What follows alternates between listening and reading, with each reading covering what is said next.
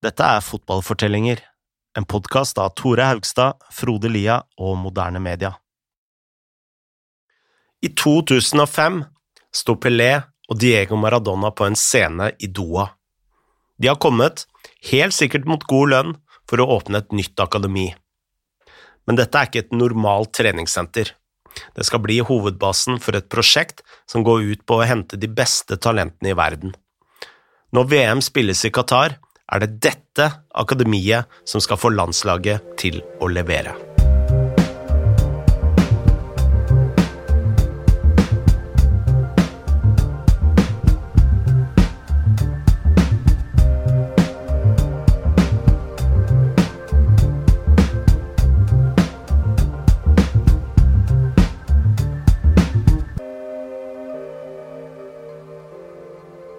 Qatar hadde altså planer om å forbedre landslaget lenge før bin Haman og co.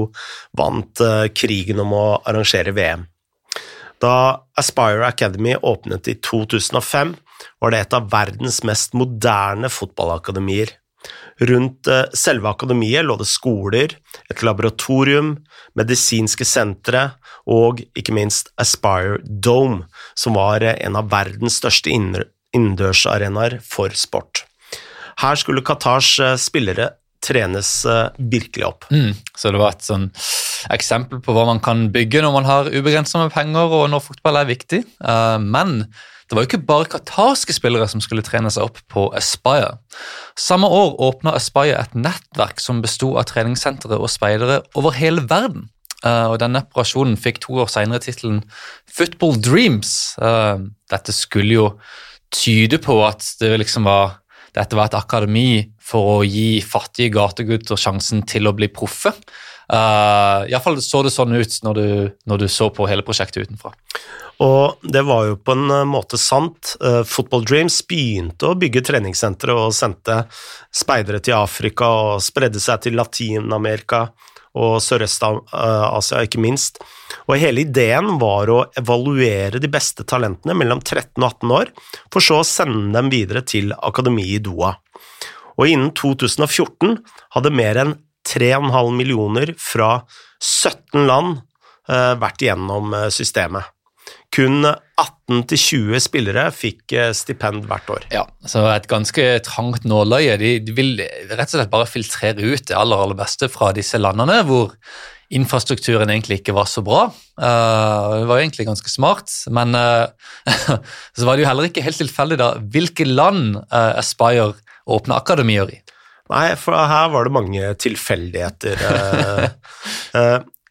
de prioriterte f.eks. Paraguay, Costa Rica og Guatemala.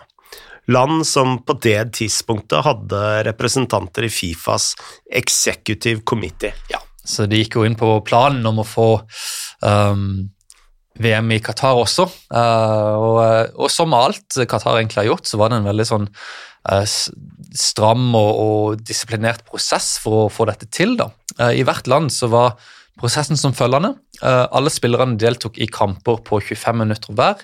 11 mot 11. De spillerne som speiderne likte best, gikk videre til en ny runde kamper, helt til speiderne sto igjen med 50 stykker. Dette var altså per land. Disse spillerne væren, ble værende i halvannen uke i landets største by, hvor uh, selve, altså eksperter fra selve Speyer Akademiet fløy ut fra Qatar for å se spillerne med egne øyne. Ekspertene tok så ut mellom to og fire spillere, som deretter fikk dra til selve akademiet i Qatar. Der trente de i tre uker, og basert på hele denne prosessen da, så valgte Spire ut 18-20 spillere per år som fikk værende på stipender.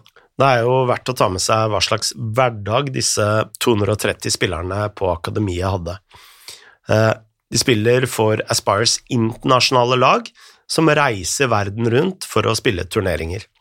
De studerer og får en eh, grad på lik linje med elever i andre land, og de jobber også i stor grad med topptrenere fra Europa. Ja, eh, Spire har i stor grad henta kompetanse fra spansk fotball, og det er kanskje ikke så rart når vi tar med hvor dominant spansk fotball har vært eh, de siste 15 årene, iallfall siden Spire begynte. Og altså, Hvis du har ubegrenset med penger og enorme ambisjoner, hvorfor ikke bare gå til de aller, aller beste landene? Uh, en av direktørene i Aspire er f.eks. Ivan Bravo, som før var strategisk direktør i Real Madrid. Uh, direktøren for sportsvitenskap er Walter Di Salvo, som før jobba i Lazio, Manchester United og Real Madrid. Uh, jeg tror det er flere andre sånne medlemmer av staben som har jobba i spansk fotball også. Men så har de også for ansatt plutselig Tim Cahill som chief footballing officer. så det er en sånn... Må, må få litt sånn uh, fighting spirit der òg. ja, veldig sånn, litt sånn random blanda hensyn til hvem de, hvem de, henter inn. Men veldig interessant er jo uh, at uh, de også hadde Nike som hovedsponsor. Og bak det initiativet sto jo Sandro Rosell, den tidligere presidenten i Barcelona, som før det var i Nike. Og vi husker jo at eh, Barcelona inngikk en avtale nettopp med Qatar Foundation da Rosell var president, noe som gjorde Qatar til den første kommersielle draktsponsoren i klubbens historie. Altså, de gikk rett fra ingen sponsor til eh, Uefa Nei, ikke Uefa. Unicef. Unicef. Det er en eh, stor forskjell der, ja. Til Qatar Foundation. Ja. Uansett en veldig lang reise. Ja, veldig. Og uh, Aspire var jo også en stor klient hos Bonus Sport Marketing, uh, som også var et uh, selskap som Rosell selv hadde grunda i 2002. Det var mange interesser bak sceneteppet her. Ja, og vi kan jo også for øvrig legge til at Rosell senere ble satt i fengsel for korrupsjon i forbindelse med Barcelonas kjøp av Neymar. Mm. Aspire eh, hadde flere tilknytninger til Barca enn dette også. Um, en av Barcas fremste speidere var lenge Josep Colomer. Uh, og innen 2010 så hadde han meldt overgang til Espire med brief der om å finne de største talentene i verden. Jeg tror han var involvert i signering av Messi og noe sånt. Uh. Mange, mange, kjente navn i Barca som liksom ble henta av han. Uh, men nå, nå, var han altså i Qatar, hvor han sa at han tok 160 flyturer per år at han sov i en ny landsby hver dag, og at han i praksis var på reisefot fra mai til desember hvert år. Så dette var liksom Qatar bare tok han ut av La Masia, ga han oppdrag om å liksom bare reise verden rundt for å finne de beste talentene, og betalte han sikkert veldig veldig godt for akkurat det. Men hva skjer med disse talentene ettersom de blir eldre? Det har jo selvsagt Qatar også tenkt på. Aspire har inngått en rekke avtaler med europeiske klubber om utveksling av informasjon og, i noen tilfeller, spillere. Faktisk eh, har de kjøpt et eh, eget fotballag for å plassere spillere. Ja, i 2012 så kjøpte Qatar fotballklubben KAS Open i belgisk andredivisjon, og igjen veldig veldig random, iallfall på overflaten. Uh, Open var nær konkurs, så de trengte liksom en, en, redningsmann, da, og Qatar kom selvfølgelig inn og sletta gjelda og, og, hadde sine egne ambisjoner. Men uh, dette gikk ikke ut på å liksom bli et nytt City eller nytt PSG som skulle overta Europa og liksom bare rette alle det, dette gylne søkelyset mot, mot, staten og mot Qatar. Uh, Qatar ville bruke Aupen som en slags mellomstasjon for spillere fra Aspire som ønska seg til topplag i Europa. Og hvorfor akkurat Belgia? Vel, fordi det fantes ingen regler der for hvor mange spillere utenfor EU et lag kan kjøpe og bruke på banen. Snart eh, hentet Aupen unge spillere fra Ghana, Frankrike og uh, Mali som ingen hadde hørt om. Alle hadde vært en del av uh, Aspire, og laget ble så bra at Aupen rykket opp til toppdivisjonen, hvor de fortsatt uh, holder til. Mm. Faktisk ble det eksperimentet så bra at Qatar kjøpte en ny klubb i 2015, og det var Cultural i Deportiva Leonesa i Spania, hvor flere qatarske spillere siden har spilt. Qatar har også inngått et samarbeid med Leeds, selv om det er litt mer diffust hva akkurat det går ut på, utover å utvikle ekspertise. Men uansett, det gir jo veldig mening for Qatar å liksom ha en sånn mellomstasjon da, mellom dette akademiet i Doha og toppklubbene i Europa. Plutselig spiller Qatar Bielsa-fotball, er det det du Det kan ikke utelukke noen ting med Qatar. Går man inn på Aspires hjemmeside nå, kan man lese om et prosjekt som heter European Experience.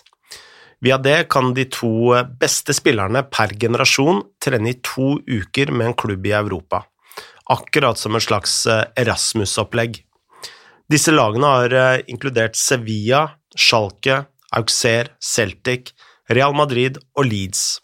Visstnok har mer enn 40 spillere fra akademiet spilt for sine nasjonale fotballforbund, spesielt mange i Afrika. Mm, det, også, eh, det inkluderer også eh, U21-lag gjennom hele systemet der. Uh, men det er jo ikke alle disse talentene som fortsetter å spille for sine opprinnelige land. og Det er jo her vi kommer til kanskje den mest kontroversielle delen av hele dette Spire-opplegget. Flere spillere har nemlig tatt opp qatarsk statsborgerskap, noe som betyr at de kan spille for Qatars landslag. Egentlig er dette statsborgerskapet nesten umulig å få. Altså, Man må bo i Qatar uavbrutt i 25 år, man må snakke arabisk, og man må gi slipp på andre statsborgerskap. Men Visstnok kan monarkiet gi ut statsborgerskap som de vil, eh, så mange atleter får jo dette veldig billig. Eh, Qatar har i praksis rekruttert alt fra kinesiske sjakkspillere til bulgarske vektløftere og kenyanske langdistanseløpere. Qatar har jo også brent seg litt på disse forsøkene før. Altså Før uh, kvaliken i VM i 2006 prøvde de å sikre seg tre brasilianere som spilte i Tyskland. Men eh, Fifa har jo veldig strenge lover om akkurat det. Og de har likevel klart å få gjennom noen spillere. Og Qatars nest høyeste toppskårer gjennom alle tider er Sebastian Soria, en eh, spissfødt i Pasiando i Uruguay, som eh, flytta til Qatar da han var 21. Uansett, med en blanding av svært forbedret qatarske spillere og smarte signeringer, hvis vi kan kalle det det, fra andre land, har eh, landslaget fått en enorm fremgang. Ja, og vi må jo kanskje dykke litt ned her i landslagets historikk også, eh, for å vite eh, hvor langt de har kommet. Um, Qatar nådde faktisk nesten VM i 1990. Uh, jeg, tror, jeg, var litt overraska da jeg så det, for jeg trodde liksom at det ikke var noe historikk der i det hele tatt. De klarte det nesten da, men havna ett poeng bak Emiratene i den siste kvalikgruppa. Så brukte de mesteparten av 90-tallet på å ansette trenere fra Brasil, Frans, Frankrike og Bosnia. Uh, mer nylig så starta de kvaliken til VM i 2018 med en trener fra Uruguay, nemlig José Daniel Carreño. Men Carreño han skulle ikke bli i jobben særlig lenge. Det begynte imidlertid veldig bra. Altså, Qatar spaserte seg gjennom den første gruppa mot eh, Kina, Hongkong, Maldivene og Bhutan. Men i Asia deles de resterende lagene ut i to grupper på seks hver seg og der slet eh, Qatar veldig tungt mot eh, lag som Iran, Sør-Korea, Syria, Kina og Usbekistan. Så Carreño ble sparka, og inn kom en annen trener fra Uruguay, Jorge Fossati. Han hadde faktisk trent Qatar før, og det var fra og med 2007, da han førte de til tredje runde i kvaliken for VM i 2010. Men så hadde det skjedd noe litt rart noe den gangen. da. Eh, han hadde måttet tatt en operasjon i magen, Uh, og I stedet for å liksom vise lojalitet og, og, sånn, og vente til han ble frisk, så mente Qatars forbund da at han tok for lang tid til å hente seg inn igjen. Så uh, jeg vet ikke om han lå på operasjonsbordet eller lå på sykehuset mens han fikk høre det, men de ga han rett og slett bare sparken. uh, nå var han uansett da tilbake i sin andre periode for Qatar. Uh, og denne gangen, kanskje det var litt ut av revansj, det vet jeg ikke, men denne gangen så sa han opp like før kvaliken var over, som førte til at Qatar ikke kom til VM likevel. Men mannen som tok over for uh, Fossati, skulle virkelig få det til. Felix Sanchez hadde jobbet i eh, Barsas La Masia fra 1996 til 2006, før han blei lokka til Aspire Academy. Der ble han eh, frem til 2013, da han begynte å trene Qatars U19-landslag. Han vant eh, Asiacupen for U19-landslag i 2014 og tok så over A-laget. To år senere skulle han stå bak Qatars kanskje største triumf noensinne. Det året vant de nemlig Asiacupen, hvor de slo sine to naboer Saudi-Arabia og Emiratene. Og som ikke det var godt nok, 70% av det laget var utviklet av Aspire Academy. Siden det har Sanchez levert flere gode resultater. Eh, Qatar spilte som gjester i Copa America i 2019, som i seg selv er helt helt latterlig, men, men greit. De kom sist i gruppa, men eh, de gjorde seg slett ikke bort der. Eh, de klarte faktisk 2-2 mot Paraguay. Tapte kun 1-0 mot Colombia med et baklengsmål fire minutter før slutt. Og så røyk de 2-0 mot Argentina, eh, men Argentina trengte et seint mål fra Cunaguero for å vinne den kampen. Så, eh, ja, og dette var jo også et Qatar-lag som spiller Alt var på bortebane, et helt annet kontinent mot langt mer erfarne lag. Så alt i alt en, en veldig imponerende og positiv turnering fra, fra de. Qatar spilte også Gold Cup i 2021. Der toppet de sin gruppe før de slo El Salvador i kvartfinalen. De kunne ha slått eh, USA i semien, men eh, slapp inn et eh, mål fire minutter før slutt. Og som alltid var ingenting helt tilfeldig med Qatars deltakelse i en turnering på et helt annet kontinent. En uke før kampen mot USA kom det frem at Qatar kom til å finansiere grasrotprosjekter i alle de 41 CONCACAF-landene. Ja, så her lar du egentlig bare et land som betaler litt for seg for å kunne delta i, i ulike turneringer hvor de egentlig ikke hører hjemme i det hele tatt, eh, og for å skaffe seg verdifull erfaring i, før, før, VM. og Dette er jo noe som andre lag fra Midtøsten og Gulfen ikke kan gjøre, uh, men alt er selvfølgelig uh, mulig når man har, man har ekstra penger. og Ser man på stallen til Qatar i Gold Cup, så ser man hvor innflytelsesrikt dette Aspire Akademi har vært også. I den stallen så ble elleve spillere, altså 11 spillere, en hel elver, født utenfor Qatar. Tre av disse kom fra Sudan, tre fra Irak, og resten fra Algerie, Frankrike, Ghana, Egypt og Portugal. Uh, og dette er ikke alt Qatar har uh, vært med på heller. Uh, siden dette så spilte de jo som gjester i gruppe A i Europas VM-kvalik. Så dette er egentlig et landslag som har reist rundt hele jorda og spilt akkurat hvor de har, har hatt lyst til å spille. Vi kan altså trygt si at Aspire-akademiet har fungert. Da Qatar fikk VM, var landslaget nummer 112 på Fifa-rankingen. I midten av oktober i år var de nummer 42. Qatar er asiatiske mestere og ville ta fatt på VM med en rik erfaring fra turneringer i Sør-Amerika, Nord-Amerika, Asia og ikke minst Europa. Men om dette er en sportslig triumf, har Qatar gått på store smeller utenfor banen. Neste episode skal handle om Qatars moderne slaveri.